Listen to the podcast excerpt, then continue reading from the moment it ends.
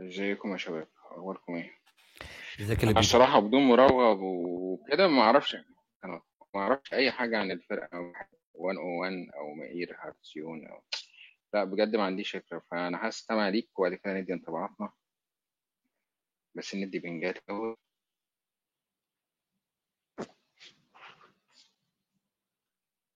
ما ما هو ده الهدف. ما أعتقد إنه الناس بتعرف عن الفرقة 101 الليلة حنعرفكم عن الفرقة 101 يعني. هو بس الحلو لأنه مائير هارتسيون كان من فترة. طبعا ما السياسيين الإسرائيليين بيزايدوا على بعض في حاجات المرتبطة بالجيش وتحديدا الأساطير العسكريين. يعني بنحاس لابون لو جيت رحبعام زئيفي شلومو باوم وأشهر عسكري من اللي بيمثل عقيدة المقاتل الإسرائيلي الشرس كان مائير هرتسيون طبعا كان جنازته قبل سنوات تحديدا في 2014 أعتقد توفى أو قبلها ما ما مستحضر تحديدا. ولو جيت تشوف الاحتفاءات يعني شيء غريب. يلا قصته ما موجودة في ال western media يعني. لأنه ال western media بتودينا سردية معينة. نفس الحكاية. الإعلام العربي طبعا لأنه ما بيغطي الداخل في إسرائيل بشكل كبير. برضه لأسباب ممكن الإجابة بس. خلي العدد كافي كده نبدأ ولا يعني اديهم اديهم خمس دقايق كمان كده مثلا okay. الناس عشان ما تعبش تساعدني تاني. لأن المق... آه المقدمة مهمة. طيب. آه... ش- طب أنا أنا أصلا مديني poor poor connection آه هو. دلوقتي هي الفرقه دي جوه. استنى هي- خلي الناس تجي وحشرح لك تفاصيل الفرقة دي بالتحديد أهدافها أغراضها طيب،. 200 انحلت ومصيرها هسه شنو وشخصياتها منو يعني ومذابحها هي- كانت- مذابحها يا محمد؟ طبعا. ده هبدأ بها استنى. أيوه. في برضه فرقة تانية ما ننساهاش هي فرقة مظلات 890 دي كانت التوأم الروحي ل 101 آه، قوات خاصة برضه أو مارينز يعني دي اللي كانت على طول مرافقة ليها قوات مظلات اسمها فرقة مظلات 890 كانت على طول معظم العمليات النوعية اللي كانت بتعملها أو الإبادات الجماعية اللي كانت بتعملها فرقة 101 بتبقى معاها دايما كانت بتبقى سوري يا جماعة كانت بتبقى معاها دايما فرقة 890 مظلات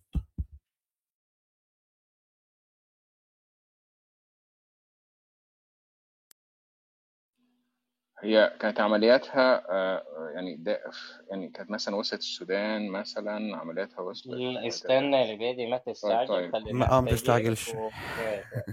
ما تخاف في تفاصيل بال... بال... ما بس كده يعني. أنا جبت بس أنت تحمل التفاصيل بتاعتي. بس. آه أنا جبت النوتات بتاعتي حرفيا. اللي فيها خطاب بن غوريون اللي بيرد فيها على الأمم المتحدة.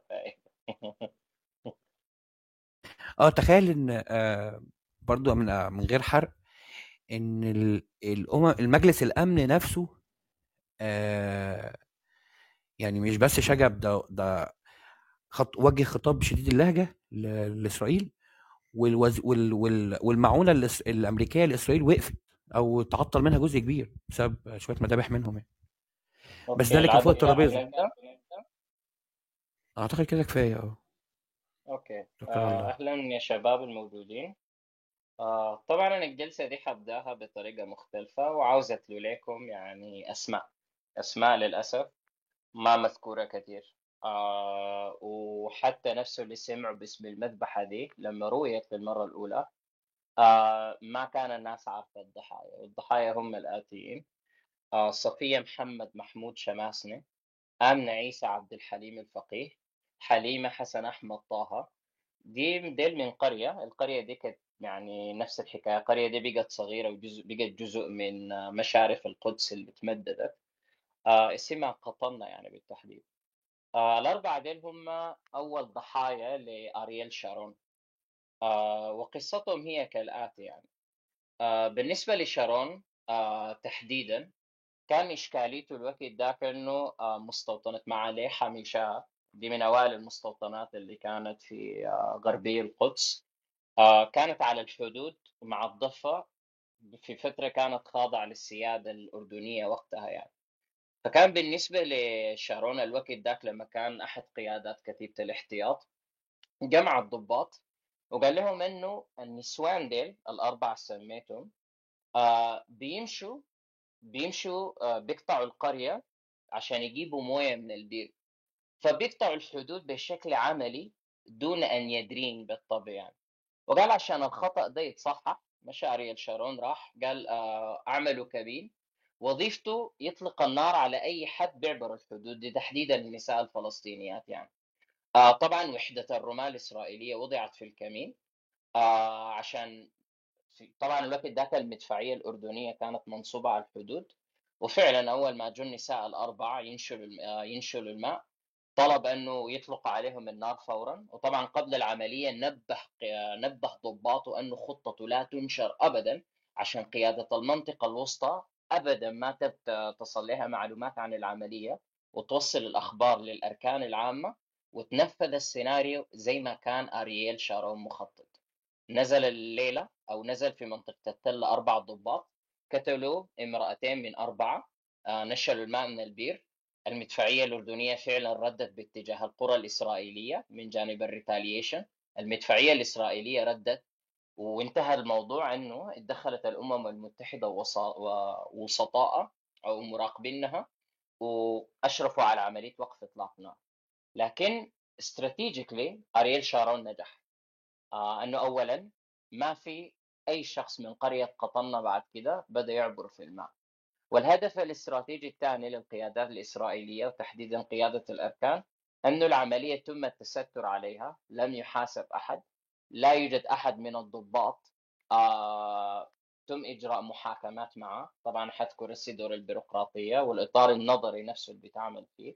إضافة لكده أرييل شارون لما جاي يلخص تقريره آه جا قال إنه يا جماعة في فرق ما بين إطلاق النار على أهداف متحركة من حالة سكون وما بين إطلاق النار في حالة حركة أثناء الحرب. لما جو قالوا له تعال ورينا ليه العدد ده من الضحايا وبشكل غير مبرر؟ وقعوا ضحايا مذبحة هي مذبحة قطنة. طبعا أسماء النساء الأربعة اللي كانوا ضحايا شارون ما عرفوا إلا عن طريق الدكتور عزمي بشاره لاحقا اللي مشى زار القرية وسأل أهلها اللي لسه ما زالوا مستحضرين الحاجة دي يعني. وعلى فكرة ما يقارب نصف أهل القرية حاليا هم لاجئين بعد حرب 67 آه طبعا طردوا آه طبعا الشكل ده من العدوان ما ممكن يتم بدون آه apparatus كبير ال apparatus ده فيه مؤسسة الجيش مؤسسة الدولة مؤسسة بتنتج البروباغندا ومنظرين لهذا الشكل من سياسة الأمن السياسات الأمنية. آه أنها بدأت تحديدا عن أبو الصهيونية التصحيحية أو أبو حركة حيروت اليهودية اللي هو زائف جابوتينسكي. اللي كتب عن العلاقات مع العرب وبشكل مستمر ومن أشهر مقالاته كان الجدار الحديدي كان كتبها. آه وتحديدا فكرة إنه التنظير للرد على العرب بالقوة لأنه هو ده السبيل الوحيد للتعامل معه. شارون تشرب نفس الأيديولوجية والعقيدة دي ومعه عدد من الشخصيات أهمهم بن غوريون مؤسس الدولة. بس حنركز فيه على الثلاثة وأربع شخصيات. الأولى هي شارون نفسه أريك شارون اللي كان عمره 25 سنة وقتها. الشخصية الثانية مائير هيرتزيون الموجودة في العنوان لأنه ده بيمثل شخصية جندي النخبة الموجود في إسرائيل. الشخصية الثالثة موشي ديان لأنه موشي ديان من اللي شكلوا الفرقة وأنا حنهي الجلسه دي حتى بعد ال Q and A باقتباس مهم جدا منه.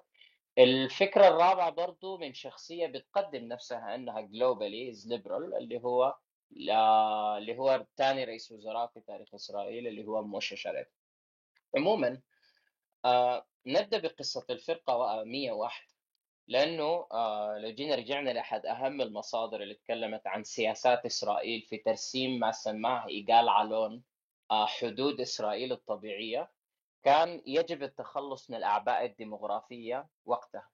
ومن أهم الأعباء الديمغرافية كانت بالنسبة لإسرائيل هم ما يسموهم عرب التخوم أو العرب الموجودين على الحدود. لأنه ما ننسى في النهاية السكان المشرق العربي سكان لبنان فلسطين العراق سوريا الأردن آه حدود الدولة الحديثة جديدة جدا بالنسبة لهم. فبالنسبة لهم في مناطق أصلا ما هي تسمى مناطق حدودية بالنسبة لهم. لكن بالنسبة لإيجال علون دي مناطق حدودية. وبدأت منذ عام 47 إشكاليتين. الإشكالية الأولى هي أنه بعد طرد الفلسطينيين وتهجيرهم سنة 47 في العديد منهم كان عاوز يرجع يرجع بيوته بيشوف حاجاته ويرجع يشيل أغراضه من البيت. ده عبء العبء الثاني كان كمان آه المشكلة عمليات الفدائيين بالنسبة لإسرائيل. لكن لو رجعنا لكتاب مرجعي في هذا الشأن بالتحديد اللي هو لبني مورس كتاب اسمه حروب إسرائيل إسرائيل الحدودية من عام 47 ل 48 حنجد انه فعلا المشكلة ما كانت الفدائيين زي ما الإعلام الإسرائيلي كان بيروج وإنما المشكلة كانت هي عودة الفلسطينيين لبيوتهم. إضافة لكذا العبء الديموغرافي وإضافة لذلك تعريف ما هي الحدود الطبيعية لإسرائيل. فلذلك بناء على وسيط شخصيتين اللي هم شارون وموشي ديان آه، أقيمت الفرقة 101 في 1953 في شهر أغسطس بالتحديد. الفرقة دي وفقا للوثائق الإسرائيلية من الكتاب اللي قلت لكم اقتبسها بني مورس هي أن الفرقة تشن ما سماه عمليات انتقامية ضد القرى الفلسطينية على طول الحدود الأردنية مع غزة. okay؟ آه وما بس كده sorry الحدود الأردنية والحدود مع غزة وكذاك ولاحقا الفرقة دي نهايتها طبعا أنها توحدت مع فرقة المظلين رقم 890 يا أناركو. هي توحدت مع الفرقة دي في 54 ودمجت في سلاح المظلين بدعوة من موشي ديان نفسه يعني. وطبعا لاحقا يتعين أرييل شارون آه، كقائد للوحدة. آه طيب الوقت ذاك أول مذبحة نفذتها الفرقة دي كان اسمها مذبحة مخيم البريج ودي حبدة فيها ليه؟ طبعا ال irony أول شيء مخيم البريج آه هو قريب من مخيم جنين آه كموقع يعني. آه وطبعا عملية جنين اللي كان الكوماندوز الإسرائيليين دخلوا بمسدسات كاتمة للصوت كانوا عاوزين يعتقلوا أو quote quote يقتلوا بعض أعضاء حركة الجهاد الإسلامي اللي كانوا مشتركين معهم في السنتين اللي فاتوا قتلوا منهم قيادات استشهدوا. آه كانت شبيهة به بس الهدف منها كان انتقامي. آه طبعا أمر الوحدة ال 101 في أولى عملياتها اكتشفت زي ما اكتشف أمر الكوماندوز الإسرائيليين اللي اقتحموا مخيم جنين من أسابيع. لكن طبعا الكم الهائل من الذبح كان أكبر لأنه دخلوا المعسكر sorry دخلوا المخيم آه، اشتبكوا مع السكان قتلوا 43 لاجئ فلسطيني منهم آه، سبعة نساء خمسة أطفال اتجرحوا 22 سيدة وطفلة. خسائر الوحدة لا تذكر طبعا اللي هي جريحين يعني. آه، طبعا كانت كارثة الحاجة دي. وحتى المفتشين الدوليين قالوا يا جماعة فسروا لنا الكم الهائل ده من الضحايا. طبعا كان رد أرييل شارون بسيط في تقريره العسكري. جاء قال كالآتي وحقتبسه هنا من الورقة اقتباس فتحت علي النار من اتجاه شمال غرب. قررت أن العبور من المخيم ذاته والتملص من جهته الأخرى أفضل من العودة من حيث أتيت. لأن الحركة في هذا الاتجاه صعبة بسبب المزروعات البساتين والأسلاك الشائكة. وبسبب الحراس أيضا. قررت أيضا أن الهجوم أفضل من خلق انطباع بالهرب ولذلك خلق اقتحمت المخيم مع مجموعتي. شيء سبيه باللي حدث مع جي... في جنين.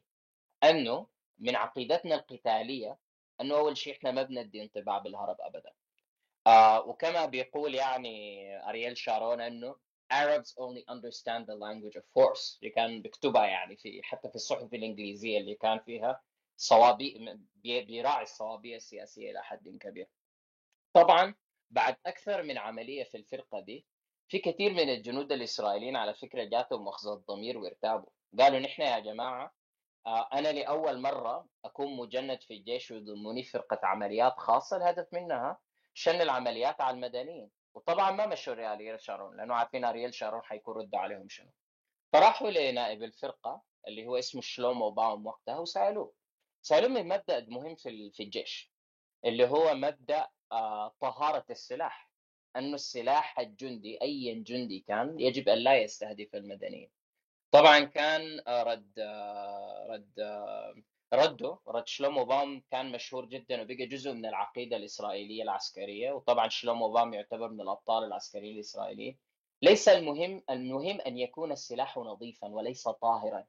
بمعنى في عقيدة المقاتل الإسرائيلي المهم أنك تبقى السلاح نظيف تكون جاهز للمعركة. لكن أن لا, لا لكن مساله عدم استهداف المدنيين دي آه ما ممكن يعني. وعلى فكرة دي حاجة حتى انبهروا منها عدد من آه من من من من ال من من اسمه شنو من من المسؤولين الدبلوماسيين اللي كانوا وسيطين. طيب في نفس السنة في 13 أكتوبر اجتمع دافيد بن غوريون وزير الأمن اللي هو شخصية روثلس جدا في التاريخ الإسرائيلي اللي هي بنحاس لافون وموشي ديان أيضا يعني. آه قالوا عاوزين نرد على عملية آه طبعا اجتمعوا كغرفه العمليات في قيادة أركان جيش الدفاع الإسرائيلي. قالوا عاوزين نرد على عملية آه بعد ما جاء أحد الفدائيين الفلسطينيين وقنبلة يدوية ألقاها في بيت آه في بيت قرية يهودية قتلت أم وطفليها يعني. وطبعا المجتمعين اقترحوا قرية قبيه قالوا ان تكون عنوان للرد الانتقامي يعني. ومن الواضح جدا أنه البيروقراطية الإسرائيلية بقت جزء كمان من الإعداد لموضوع العمليات الانتقامية. لأنه جمعوا شديان طلع خطة من الدرج الخطة من الدرج بالوثائق بتكتب بالأرقام حرفيا بتجيب قيمة تقديرية بتقول أول شيء يدمر 50 بيت من 280 بيت في القرية اتخذ القرار. المبهر هو انه العملية لها اسم لها إعداد لها حتى لوجستيات. طبعا العملية كان اسمها العملية شوشنة واقرأ النص بتاع هدفها يعني. أول حاجة اقتباس. هدف قيادة الأركان تنفيذ عمليات رد حادة ضد القرويين لاحقا بيعمل آلف ب أوكي؟ الذين يستخدمون كقواعد لعمليات التسلل. المهمة ألف. تنفيذ عملية اختراق لقرى نعالين وشقبة بهدف تفجير وتخريب عدد من البيوت وإصابة سكانها. باء تنفيذ عملية هجوم على قرية قبية واحتلالها مؤقتا وتفجير بيوت وإصابة السكان والتسبب بهربهم من القرية. طبعا أحد أحد مراسلي قيادة المنطقة الوسطى الإسرائيلية مسك الأمر نقلوا بإيده ووصل أمر التنفيذ. طبعا أمر التنفيذ كان مختلف من محاضر الاجتماعات وأمر التنفيذ بيقول الاتي اقتباس. هدف قيادة الأركان هو تنفيذ عمليات رد حادة على صورة تخريب وقتل في القرى العربية. الهدف الهجوم من قرية قبية احتلالها مؤقتا. تنفيذ الهدم وقتل أكبر عدد ممكن من أجل دفع سكان القرية إلى الهرب من بيوتهم اجتياح قرى شقبة ونعلين وتخريب عدد من البيوت وقتل سكان وجنود. نهاية الاقتباس. واضح من النص أنه هو أكثر حدة وإجرامية وبشكل كبير من الخطة المنصوص فيها في هيئة الأركان يعني. طبعا قيادة المنطقة الوسطى فيها شخصية أنتم بتعرفوها تماما المصريين أنه هو ديفيد العيزر اللي كان رئيس أركان الجيش في إسرائيل في حرب 73 يعني. إضافة لرحبآم زعيفي اللي كان ذكرته لكم ده واحد من أساطير الجيش. وعين شارون الوقت ذاك اللي كان في عمر ال 25 قائد للعملية دي نفسها يعني. وفي وحدات ثانية من سلاح المظليين يعني. okay؟ فجاء النص التالي كتبوا شارون عشان يديه لقيادته يقروها في شكل أوراق ويفهموا العملية. لاحظوا إنه شارون كتبها بخط إيده وبتقول الآتي اقتباس. هدف القيادة تنفيذ عمليات رد حادة. الهدف الهجوم على قرية قبية okay؟ واحتلالها قتل أكبر عدد ممكن والمس بالممتلكات.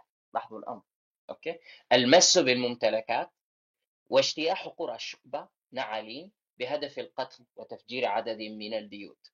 طبعا في صباح أكتوبر اللي هو 15 أكتوبر في منتصف الليل جو الجنود الإسرائيليين القوة حملت معها 700 كيلوغرام من المتفجرات اتفجر 54 بيت في مدة ثلاثة ساعات فقط يعني. 70 من سكان القرية قتلوا. طبعا ده أكثر من العدد اللي كان مخطوط له استيميشن طبعا في في في في قيادة الأركان الوسطى في نقاشاتها قسم منهم كبير مات تحت الأنقاض في بيوت ما تحضر سكانها ابدا يعني. طبعا العملية عملت ضجة دولية يا إخواننا وكان في فزع حتى من داعمي إسرائيل والوقت ده كان في نقاش إنه تقطع المعونة الفرنسية من إسرائيل يعني. فجاء المذيعين وسألوا بن غوريون فجاء بن غوريون جاب نص جاهز على فكرة من الدرج وجاي يقرأه في الإذاعة الإسرائيلية وإذاعة الجيش أيضا. فاقرا نص بن غوريون وشوفوا النص مبهر لأي درجة يعني اقتباس. منذ أربع سنوات تقتحم جيوش من عبر الأردن ومن دول عربية أخرى المستوطنات اليهودية والقدس من أجل القتل والسرقة وقد قتل وجرح مئات المواطنين رجالا ونساء وشيوخا وأطفالا. قامت حكومات عربية بتبني هذه العمليات مباشرة وبشكل غير مباشر بهدف سياسي واضح. وهو هدم إسرائيل وجعل الحياة فيها مستحيلة. ولذلك استغلت اللاجئين الفلسطينيين ولم توطنهم في بلادها. لاحظوا الوعظ الأخلاقي يعني من قبل بن غوريون. ولن تساعدهم على تدبر أمورهم في حين ساعدت حكومة إسرائيل اللاجئين اليهود من الدول العربية أن يستوطنوا في بلادها. لاحظ نفس المقدمات اللي بنسمع بعضها الليلة أنه والله اليهود انطردوا من البلدان العربية إحنا أحسن من كده. لاحظوا يعني. ده ده لسه جزء من الخطاب الإسرائيلي الليلة. كل واحد منا يأسف على الدم الذي يسفك في كل مكان. وليس هنالك من يأسف أكثر من حكومة إسرائيل إذا سفك دم في عملية الانتقام في قبية. لاحظوا قال بالنص عملية الانتقام في قبية. أوكي؟ ولكن المسؤولية كلها ملقاة على عاتق الأم على عاتق حكومة الأردن. ترفض حكومة إسرائيل بكل قوة الرواية الخيالية والشريرة. وكأن 600 جندي في جيش الدفاع الإسرائيلي شارك في العملية ضد قرية قبية لقد قمنا بإجراء فحص دقيق وتبين لنا بشكل قاطع أنه لم تغب عن تغب عن معسكرها أي وحدة عسكرية ولا حتى أصغرها في ليلة الهدم في قبية طبعا ده كذب صريح ووعظ أخلاقي يعني لأنه أولا بن غوريون كان جزء من اللي شاركوا في التخطيط. دي أول حاجة يعني. آه ما ننسى كمان أنه آه أنه يا إخواننا آه موشي ديان زي ما قلت لكم بن حاس لابون آه رحبعام زئيفي شاركوا في التخطيط العملية دي بشكل مباشر يعني. وما بس كده العملية دي أخذت approval من دافيد بن غوريون based on the Israeli internal documents. يعني هنا ده مسؤول بيكذب يعني. okay. آه بالنسبة لشارون شارون نفسه كان بفاخر بالعملية يعني وبمثيلاتها يعني. okay. طبعا من أشهر العمليات وهنا بيجي دور مائير هارتسيون يعني. آه طبعا مائير هرتسيون قصته برضه مجسدة لقصة العسكرتارية الإسرائيلية أن الجندي الإسرائيلي المقدام السياسيين بيتزلفوا له يعني. السياسي لازم يمسك ورود ويضعها على قرب قبره. السياسي لازم يحضر جنازته. السياسي لازم يقتبس مائير هرتسيون في في في خطاباته. آه بيدرسوا عن مائير هرتسيون في المدارس يا جماعة. طبعا مائير هرتسيون قصته بتبدأ ب بتبرير لدور يعني أوكي؟ آه تبرير لدوره بالتحديد إنه آه أخته آه طبعا قتلت بأيدي بدو كما يمشي في, كما يدعى يعني في وادي الغار آه كان بتتنزه يعني في المنطقة الأردنية يعني. آه طبعا أخته قتلت وبعد ثلاثة أسابيع فقط من العملية في سنة 55 في شهر مارس جاء أربعة مظليين بينهم أريا بينهم مائير هرتسيون نفسه يعني. دخلوا المخيم بتاع عشيرة أردنية اسمها عشيرة العزازمة وكان في تخوم برضه مخيمات لعشيرة تانية بدوية اللي هي عشيرة الجهالين 8 كيلومتر كده من الحدود. ده اختراق لحدود الأردن يعني. طبعا أطلقوا النار على بدوي وواحد حاول يشرد فكمان ده قتلوه يعني. طبعا أسروا خمسة لاحقا لما توغلوا داخل المنطقة.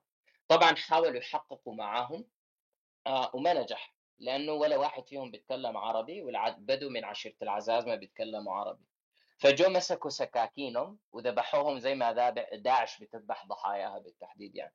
طبعا قتلوا أربعة فقط وخلوا واحد خامس. الخامس ده بأمر من مائير هرتسيون قال لهم خلوهم يا خلوه يا جماعة عشان يمشي لأهل العشيرة العزازمه يقص القصة بنفسه يعني. أنا سووا لي شنو؟ والإسرائيليين دخلوا عملوا لنا شنو في الأردن يعني. الهدف من العملية كان واضح أنه أولا تخويف الناس. يعني إعطاء انطباع أنه ده حيكون ردنا. لو قلت أنت هنا آه تعمل تجي مثلا تتطفل أو تتسلل يعني. آه طبعا ديفيد بن غوريون تظاهر أنه مستاء من العملية طبعا في إطار رده على الدبلوماسيين. آه أدى وعظ أخلاقي زي الوعظ الأخلاقي اللي كان في خطابه بعد مذبحة قبية. آه طبعا اختلف مع موشي شاريت اللي كان رئيس الوزراء وقتها يعني لأنه شاريت طبعا نشر أسماء أسماء أسماء أسماء اللي شاركوا من من الفرقة 101 يعني. وطبعا يتفهم موقف بن غوريون أنه هناك هدف استراتيجي بعيد المدى من أهداف الفرقة 101 يعني. وفعلا شارون بأمر مباشر منهم يا جماعة قال لهم ما تتعاونوا مع الشرطة. وأنه كمان جات الحكومة الإسرائيلية قالت لنا والله ظهرت مشكلة قانونية. شنو هي المشكلة القانونية أستاذ بن غوريون؟ بن غوريون قال الجريمة دي ما ارتكبت في الحدود الإسرائيلية، ارتكبت في الحدود الأردنية بالتحديد أو في الأراضي الأردنية. وفعلا دخلت الأمر آه، دخل الأمر في نقاش بيروقراطي طويل ونقاش قانوني طويل. طبعا تبين لاحقا أنه آه، الجيش نفسه متورط لأنه شارون ساعد المظليين وفقا للتحقيقات بالسلاح غذاء عتاد ما بس كده اللي نقلهم من الحدود كان سيارة تابعة للجيش الإسرائيلي وما بس كده لما جو راجعين للحدود من الحدود الأردنية جات سيارة استقبلتهم يعني.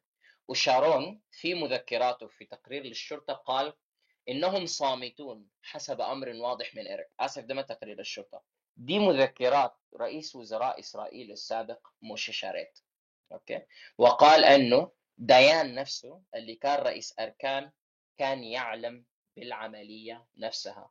آه طبعا في عمليات ثانية يعني مروعة جدا ارتكبها ماير هرتسيون تحديدا في قطاع غزة.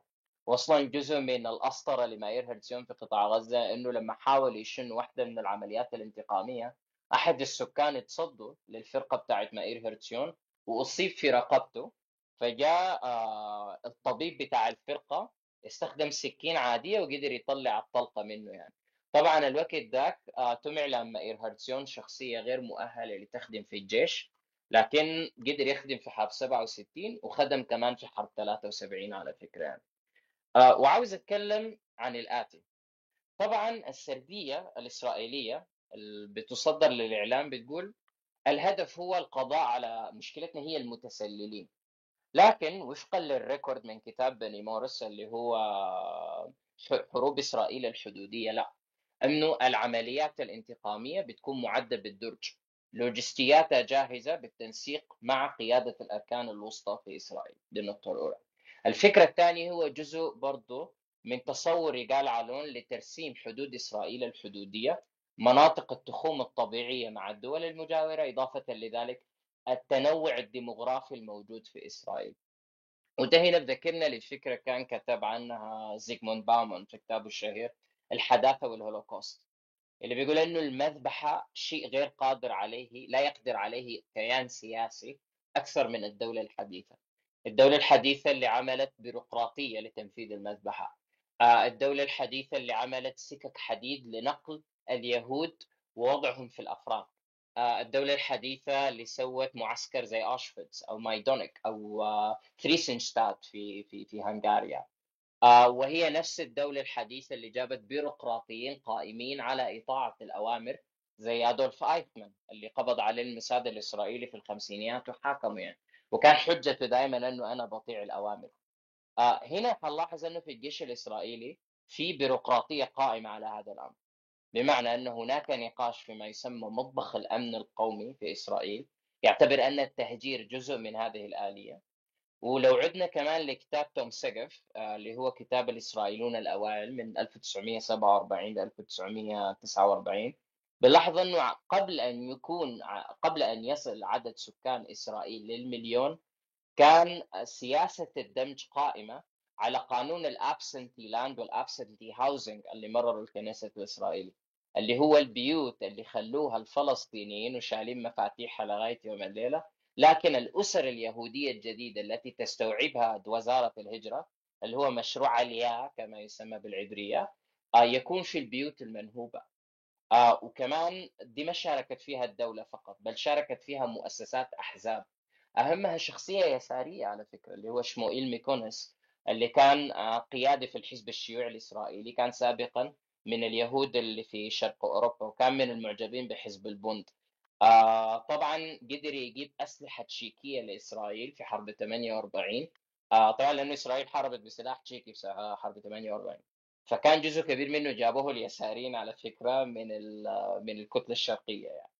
فكان آه آدم راز اللي هو واحد من المؤرخين الشباب المعاصرين جاب دور الحزب الشيوعي تورطه في النكبة وبشكل مباشر من ناحية السلاح. من ناحية نهب ممتلكات الفلسطينيين ومكتوبة كمان ما هي الأصول التي يمتلكها الفلسطينيون في البيوت ألف باء وتاء وتاء وجيم وحاء والمخيمات اللي لازم ينطردوا فيها الفلسطينيين والمخيمات اللي بتشكل تهديد على إسرائيل وإلى أي درجة يسمح بإقامة مخيمات على الحدود أو قرى على التخوم. إضافة لذلك فكرة ال transfer. يعني موريس في كتابه نفسه بيقول expulsion was built into Zionism. يعني انت ما ممكن تتكلم عن صهيونية بدون فكرة ال transfer. ولا يمكن أن تتكلم عن apparatus دولة حديثة ترسم حدود وتحتكر العنف بدون استهداف الفلسطيني في ذاته أو بدون حتى الانتقام منه لو فكر أنه يرجع مثلا لغنمه أو لماشيته أو حتى لأصوله الموجودة في بيته. يكون الرد بخطط معدة في الدرج وتهديم وتجريف للقرى وإرغام السكان على الهروب يعني. وطبعا الحاجة دي مستمرة لكن مأسستها ومأسسة مأسسة العسكرتاريا إيديولوجية العسكرتاريا الإسرائيلية كان وقتها الفرقة 101 وجسدتها. بل حتى أساطير إسرائيل الأوائل المرتبطين بتأسيس الدولة والآباء المؤسسين موشي ديان لافون آه، بن غوريون آه، رحبة آم زعيفي شخصية زي أرييل شارون ارتبطوا أيضا بعقيدة المية وسبعة. آه، أول من رمى طهارة السلاح من الباب كمبدأ كان أيضا الفرقة 100 101 آسف يعني لما قال شلومو باوم أنه ليس المهم أن يكون السلاح طاهرا وإنما يجب أن يكون السلاح نظيفا. والهدف من الجلسة هو الآتي وده اللي عاوز أختم فيها يعني قبل ما أدي لديجي وناركو وعاوز أسمع من الناس برضه. الهدف أنه آه للأسف آه حاليا الجيش الإسرائيلي بيتم مناقشته في الإعلام الغربي عن أنه the most moral army in the world. دي أكيد كلمة سمعتوها كثير الجيش الأكثر أخلاقية في العالم.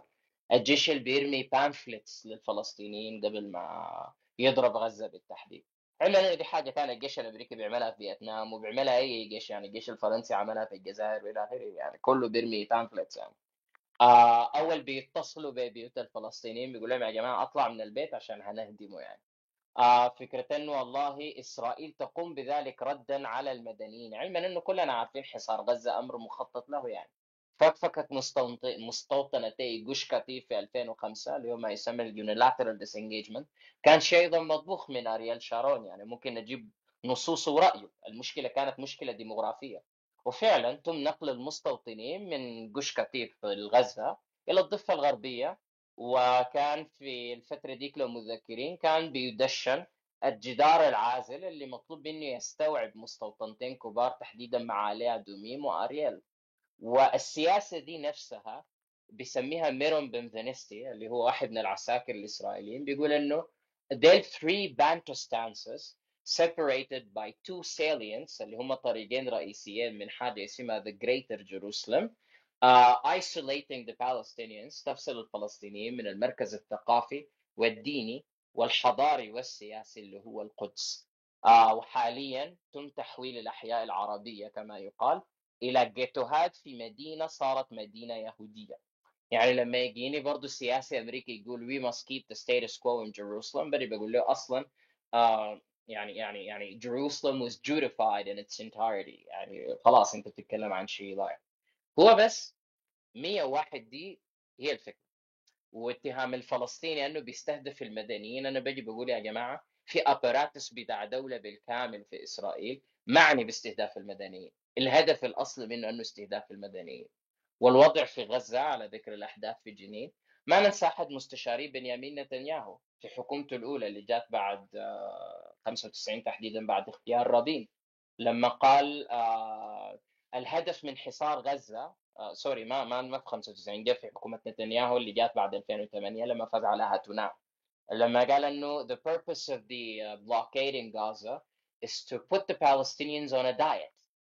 هدفنا هو وضع الفلسطينيين تحت حمية غذائية. آه وكمان ما ننسى إنه المستشفيات تقصف بالعمد يعني. ال حتى الدجاج يعني لو جيتوا قريتوا تقرير جولدستون ريبورت بعد آه عملية الرصاص المصبوب آه حرفيا كان في استهداف للمنشآت الحيوية زي مصانع الدجاج أو إنتاج الدواجن البيض حتى المستشفيات بيتم ضربها عمدا يعني. وطبعا تقرير جولدستون كشف إنه حتى الإدعاءات الإسرائيلية بتاعت إنه في أسلحة هذا غير غير صحيح. أو ما يسمى استخدام السكان كدروع بشرية أيضا لا يوجد دليل على ذلك. طبعا السياسة الإسرائيلية استهدفت تقرير جولدستون وبشكل كبير. آه بل حتى عنده بنته. طبعا جولدستون هو قاضي يهودي من جنوب أفريقيا. حتى بنته دلالية كان المفروض تسافر للمار آه، هي عشان جنوب أفريقيا. كان جولستون عاوز يمشي يحضر ال bar mitzvah بتاعه. إسرائيل كان بتضغط الحكومة الجنوب أفريقية. آه sorry كان هي في أمريكا. جولستون كان عاوز يسافر أمريكا. كان إسرائيل بتضغط الحكومة الأمريكية إنه ما يخلوه يدخل. ده قاضي. okay. ويهودي على فكرة. آه والوقت ده اضطروا ضغطوه لدرجة إنه ينشر في واشنطن بوست مقال مشهور جدا اسمه Redacting the Goldstone Report. خلاها هو نفسه ينفي تقريره. وحختم هنا عن آبا ايبان اللي كان برضو مرة كتب آه، مقال. طبعا آبا ايبان شخصية برضو من آه، آباء الدبلوماسية الإسرائيلية اشتهر بلكنته البريطانية وإلى آخره يعني. كان قال إنه يهود أمريكا عندهم وظيفتين.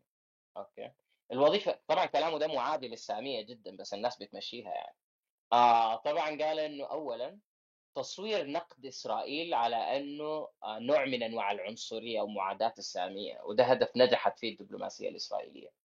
أو الفكرة الثانية قال إذا طلع هذا النقد من أي شخص هو يهودي لازم نصور اليهودي ده على إنه شخص مجنون أو عنده آه، بيحتاج psychiatric treatment أو المقولة المعروفة اللي هو ال self-hating Jew.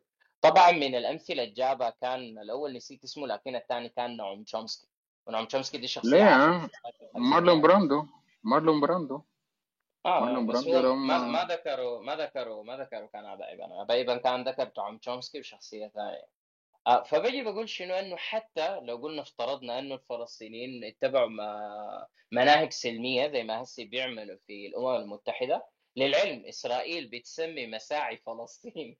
في الأمم المتحدة أنها تلقى دفعات آه بتسميها diplomatic terrorism للعلم يعني. ودي برضو مقولة that was carved من آه، واحد من المهاويس برضو في, في, في السياسة الخارجية اللي هو داني آه، اسمه شنو؟ تقريبا داني داني ديان أو داني دانون تقريبا. ده كان سفير إسرائيل في الأمم المتحدة لفترة طويلة.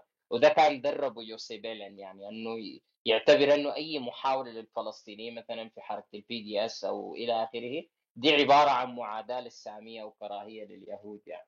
هو بس حختم هنا وأسمع منكم. بس قلت نوعا ما أشارك الناس يعني الفرقة 101 اللي هي ما معروفة للأسف وإسرائيل بتحاول تخبي الجانب ده من تاريخها أو سياسي عسكري مخضرم بالنسبة للإسرائيليين زي ما اير هرتسيون هو معروف في إسرائيل لكن ما معروف في الغرب. معروف في إسرائيل وما معروف في العالم العربي بل حتى المجتمع الفلسطيني قليل اللي بيتذكروه آه فبجي بقول دي تعريفة بسيطة عنه يعني كشخص بيجسد العسكرتارية الإسرائيلية. أنا حختم يعني هنا وواسف على الإطالة يعني. طب اتفضل يا ماركو. تمام هو شكرا ليك يا لبيدي طبعا هو كالعادة مداخلة عظيمة يا محمد بصراحة. وتحياتي ليك وكل الحاضرين طيب أنا مش هطول بصراحة. يعني محمد عمل معانا السليمه بس أنا هحكي عن مذبحة كده صغيرة آه، اسمها كفر قاسم. طيب هو الشهير عن مذابح الفرقة 101 و890 مظلات 101 آه، قوات خاصة و890 مظلات الشهير عن مذابحهم كلها إن هي دايما تحس إن فيها كده سنس تبرير صغنن كده. ما هو المذبحة اللي حكى عنها محمد ما هو ده راجل ناس متسللين أردنيين أو فلسطينيين يعني تعدوا عدوا من الحدود الأردنية ورموا قنبلة على بيت. مات طفل عنده 18 شهر وطفل تاني أربع سنين وأمهم يا عيني وأطفال وأبرياء وكده. كل المد... يعني هنقول 90% من المذابح اللي قامت بيها الفرقة دي مبررة بالحتة دي. أصل الفلسطينيين عملوا قتلوا رموا صاروخ بومبا فهندك بقى غزة كلها باللي فيها. نفس الكونسبت بالظبط. بس في حاجة جديدة المرة دي بقى. إن المذبحة دي تحديدا ملاش أي تبرير خالص ما عملوش أي حاجة. كل الحكاية إن ده قرار سياسي, سياسي يتزامن مع العدوان السياسي على مصر العدوان الثلاثي على مصر بتفريغ المثلث الحدودي. القرى دي تهجر. وبالتزامن مع العدوان الثلاثي على مصر هو نفس اليوم. البلد دي اسمها كفر قاسم على في المثلث الحدودي زي ما قلت. قبلها أصلا كانت في أكتوبر المذبحة. أعتقد 11 أو كام؟ مش فاكر تقريبا آه يعني 11 أو 18 أكتوبر حاجة زي كده. قبلها بشهر في مارس كانوا عاملين ثلاث مذابح. أول واحدة كانت في 20 جندي كده آه، أردني حاولوا هم تسللوا لهم وقتلوهم هناك. دي كانت في 11 سبتمبر. وبعدها هجوم آه، على قرية محيطة كام قرية تانية قرية اسمها حسين تقريبا. قتلوا 39 فلسطيني. وفي قرية تانية اسمها بقلقلية. قلقلية اسمها كده مش عارف أنا بنطق اسمها ولا لأ صح يعني ولا لأ؟ قتلوا فيها 88 واحد. ده في نفس ده في سبتمبر قبل المذبحة دي بشهر. قتلوا 20 و39 و88 دول كلهم برضو بحجة متسللين بمش عارف نفس التبريرة الجميلة. جه في الوقت بتاع المذبحة دي بلا أي سبب هو القرار كان طالع كده بإخلاء القرى دي. عملوا إيه هم ساعتها؟ دخلت الفرقة ودكت على البوابة. هم الأول أصدروا قرار بحظر التجوال من خمسة المغرب لحد تاني يوم ستة الصبح لكل القرى بتاعت المثلث الحدودي. ويكون تد...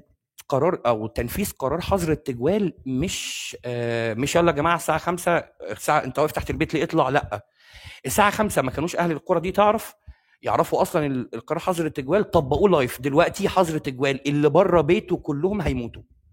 على مدخل القرية بتاعت كفر قاسم دي بس قتلوا 49 على المدخل بس. ناس قاعدة في في السوق وناس قاعدة في حياتها عادي خلاص ما تعرفش إن في حظر التجوال وهيطبق حظر التجوال وهتعرفوا إزاي بالقتل. حتى الصحف ال- الإسرائيلية المعارضة قالت على المجزرة دي قتل من أجل القتل فقط. ده منها يدعوت احرنوت بالمناسبة. كانت العنوان المانشيت بتاعها على على المجزرة دي لما اتعلن عنها بعدها بأسبوعين تقريبا أو 13 يوم. قالت إن دي مجزرة تم القتل القتل فيها من أجل القتل فقط بلا أي تبرير. ال- اللي حصل ليلتها إن هم بعد ما أطلقوا بعد ما عملوا آه، حظر حظر حظر تجوال وطوقوها كلها من الثلاث جوانب وفتحوا جانب واحد بس عن ضفة غربية على الحدود الأردنية للتهجير الأمر كان واضح. وكان آه، آه، الشعار اللي كان قايله شارون لل- للقوات بتوعه إن التعامل مع السكان لا يجب أن يكون بالعواطف ودي حتى quote quote يعني.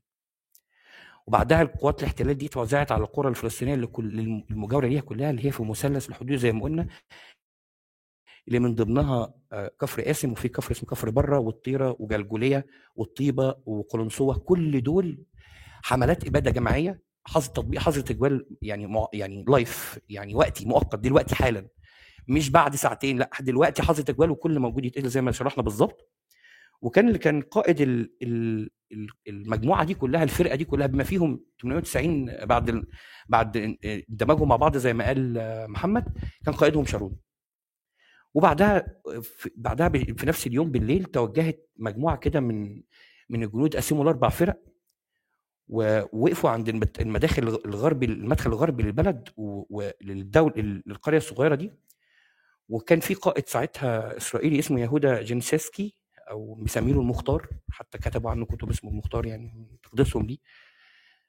آه وقال ساعتها إن ال ال القتل هيكون آه مش بغرض العقاب إنما هيكون بغرض تنظيف السلاح. حتى المقولة دي آه، أشار ليها محمد وهو قال إن السلاح النظيف هو آه، إساءة في إيد اليهودي أو في إيد الإسرائيلي يعني. هو لازم السلاح عايزين النهارده لما نروح ننظف السلاح. ما ينفعش نبات بيه ليلة وهو ما تنضفش عشان ما يستخدمش. عايزين النهارده نتعب شوية في تنظيف السلاح فعايزين نضرب كتير جدا. آه، حتى يومها كمان آه، بعد المحاصرة كان في ناس ال 49 اللي اتقتلوا على على مدخل البلد ده. كان في ناس بتحاول تتنقل من البيوت. تحاول تكسر الحظر تحاول تعترض شوية. العدد ده مش معروف. يعني ال 49 المسجلين اللي أعلنتهم الحكومة الإسرائيلية أصلا وقتها كانوا على مدخل البلدة فقط. اللي حصل من من ال من ال في وقت الحظر الأهالي نفسهم مش عارفين يحصروه لأن كان ال- ال- الصهاينة كانوا بيشيلوهم ويدفنوهم. أو يشيلوهم ويحرقوهم أو يشيلوهم ويمشوا بيهم. يعني ال- اللي اتقتلوا وقت التطبيق الحظر ال 11 ساعة دول من 5 المغرب ل 6 الصبح ما حدش يعرف عددهم 13 ساعة ما حدش يعرف عددهم كام. ومش محصورين. واللي أعلنت عنهم بس الحكومة 49 على مدخل القرية. طب إحنا بنحكي ال- الحوار ده ليه وبنتكلم على الفرقة دي تحديدا ليه؟ مش عشان يعني آه، حكاوي قهاوي أو بنحكي قصص. الفكرة إن دايما آه، اللي بيتصدر لناس سواء بقى للمقاومه ككونسبت سواء للمقاومة كممثلة في في شيوعيين أو في جبهة شعبية أو في إسلاميين زي آه، حماس وكتاب القسام الجناح العسكري بتاعها يعني بتصور دايما بالإرهاب أو بإن هم ناس بتزعج يا عيني المحتل في حياته السالمة. ما هو طب الراجل يعني محتل بتزعج محتل؟ يا جدعان إحنا بنناقش بديهيات فعلا. يعني إحنا مش عارف أنا مش عارف إزاي نقنع بني آدم إن معلش والله أنت قاعد في بيتي فأنا آسف هضايقك عشان بعد إذنك تمشي. إيه طيب؟ إيه؟ فالسائد دلوقتي إنه معلش يا جماعة زي ما الإسرائيليين دول محتلين ولاد لذينة الفلسطينيين معلش ارهابيين بعد إذنكم لو سمحتوا. ليه بقى يا عم؟ أصل هم يعني المقاومة اللي هم بيعملوها دي هل. يعني تهز الكيان الصهيوني قيد أمولة؟ الحقيقة بتهزه آه. لو انت لو انت شايف إن المقاومة دي حاجة بسيطة أو ضعيفة أو أو حتى مش عارف هي ضعيفة ولا حاجة إرهابية مش عارف مش عارف أنت بتقف في حتة يعني بس إنها ما, بت... ما ب- الناس بعد كده الجيش الاسرائيلي بيقوم داكك الفلسطينيين. يا سيدي ما هو لولا ال- القنبلة الصغيرة دي دي اللي قلق منامه دي اللي مش معيشة آمن. ده مكسب إن أنا أخلي دايما العدو بتاعي دايما تحت ضغط. ده مكسب حتى على الأقل نفسي. على الأقل طول الوقت احطه على خط نار طول الوقت احطه في مواجهة. ده محتل يا إخوانا. اما كان المصريين كانوا محتلين من من الإنجليز ما كانوش بيسموا العمليات النوعية للكامبات للمستوطنات ال... ال- أو المعسكرات ال- الإنجليزية وقتها دي إرهاب دي كانت مقاومة. وهتفضل. مقاومة. وعمليات فدائيه بالظبط. وشهداء وطن وشهداء دين و... آه، تسمح لي أقرأ خطاب جميل من ديان جبته من كتاب بس آه آه اتفضل لأنه لأنه د- لأنه كان برتب متأخر للجلسة فراح لي الخطاب يعني يا دوب لقيته. آه طبعا عشان أختصر القصة في سنة 56 في أبريل آه طبعا كان في فلسطينيين عاوزين يرجعوا يجيبوا ممتلكاتهم يعني وجا شاب من المستوطنين من كيبوتس ناحل عوز جاي لاحقهم يعني. آه طبعا القوات الحدودية آه طبعا بالإضافة لبعض السكان جو قتلوه يعني. آه طبعا هو اسمه روعي الشاب. ففي الجنازة جاء موشيه ديان قرأ الخطاب الآتي. طبعا الخطاب ده يعني من أكثر الخطابات الإسرائيلية شهرة وللعلم الخطاب ده بيدرس في مدارس إسرائيل للعلم يعني. آه طبعا ده اللي بيقول إنه الأطفال الفلسطينيين بيعلموهم يحرضوا على الناس وهم صغار وياي يعني. آه دي برضو دي حاجة صغننة موضوع ب- المدارس بس. أكمل. آه بس آه أكمل. اتفضل. اسمع اسمع الخطاب ده حيعجبك بالأمس صباحا قتل روعي هدوء صباح الربيع بهر عينيه فلم يرى المتربصين به على خط, التلم فلنتوقف عن كيل الاتهامات للقتلة. وهل يحق لنا أن نورد ادعاءات ضد كراهيتهم الشديدة لنا؟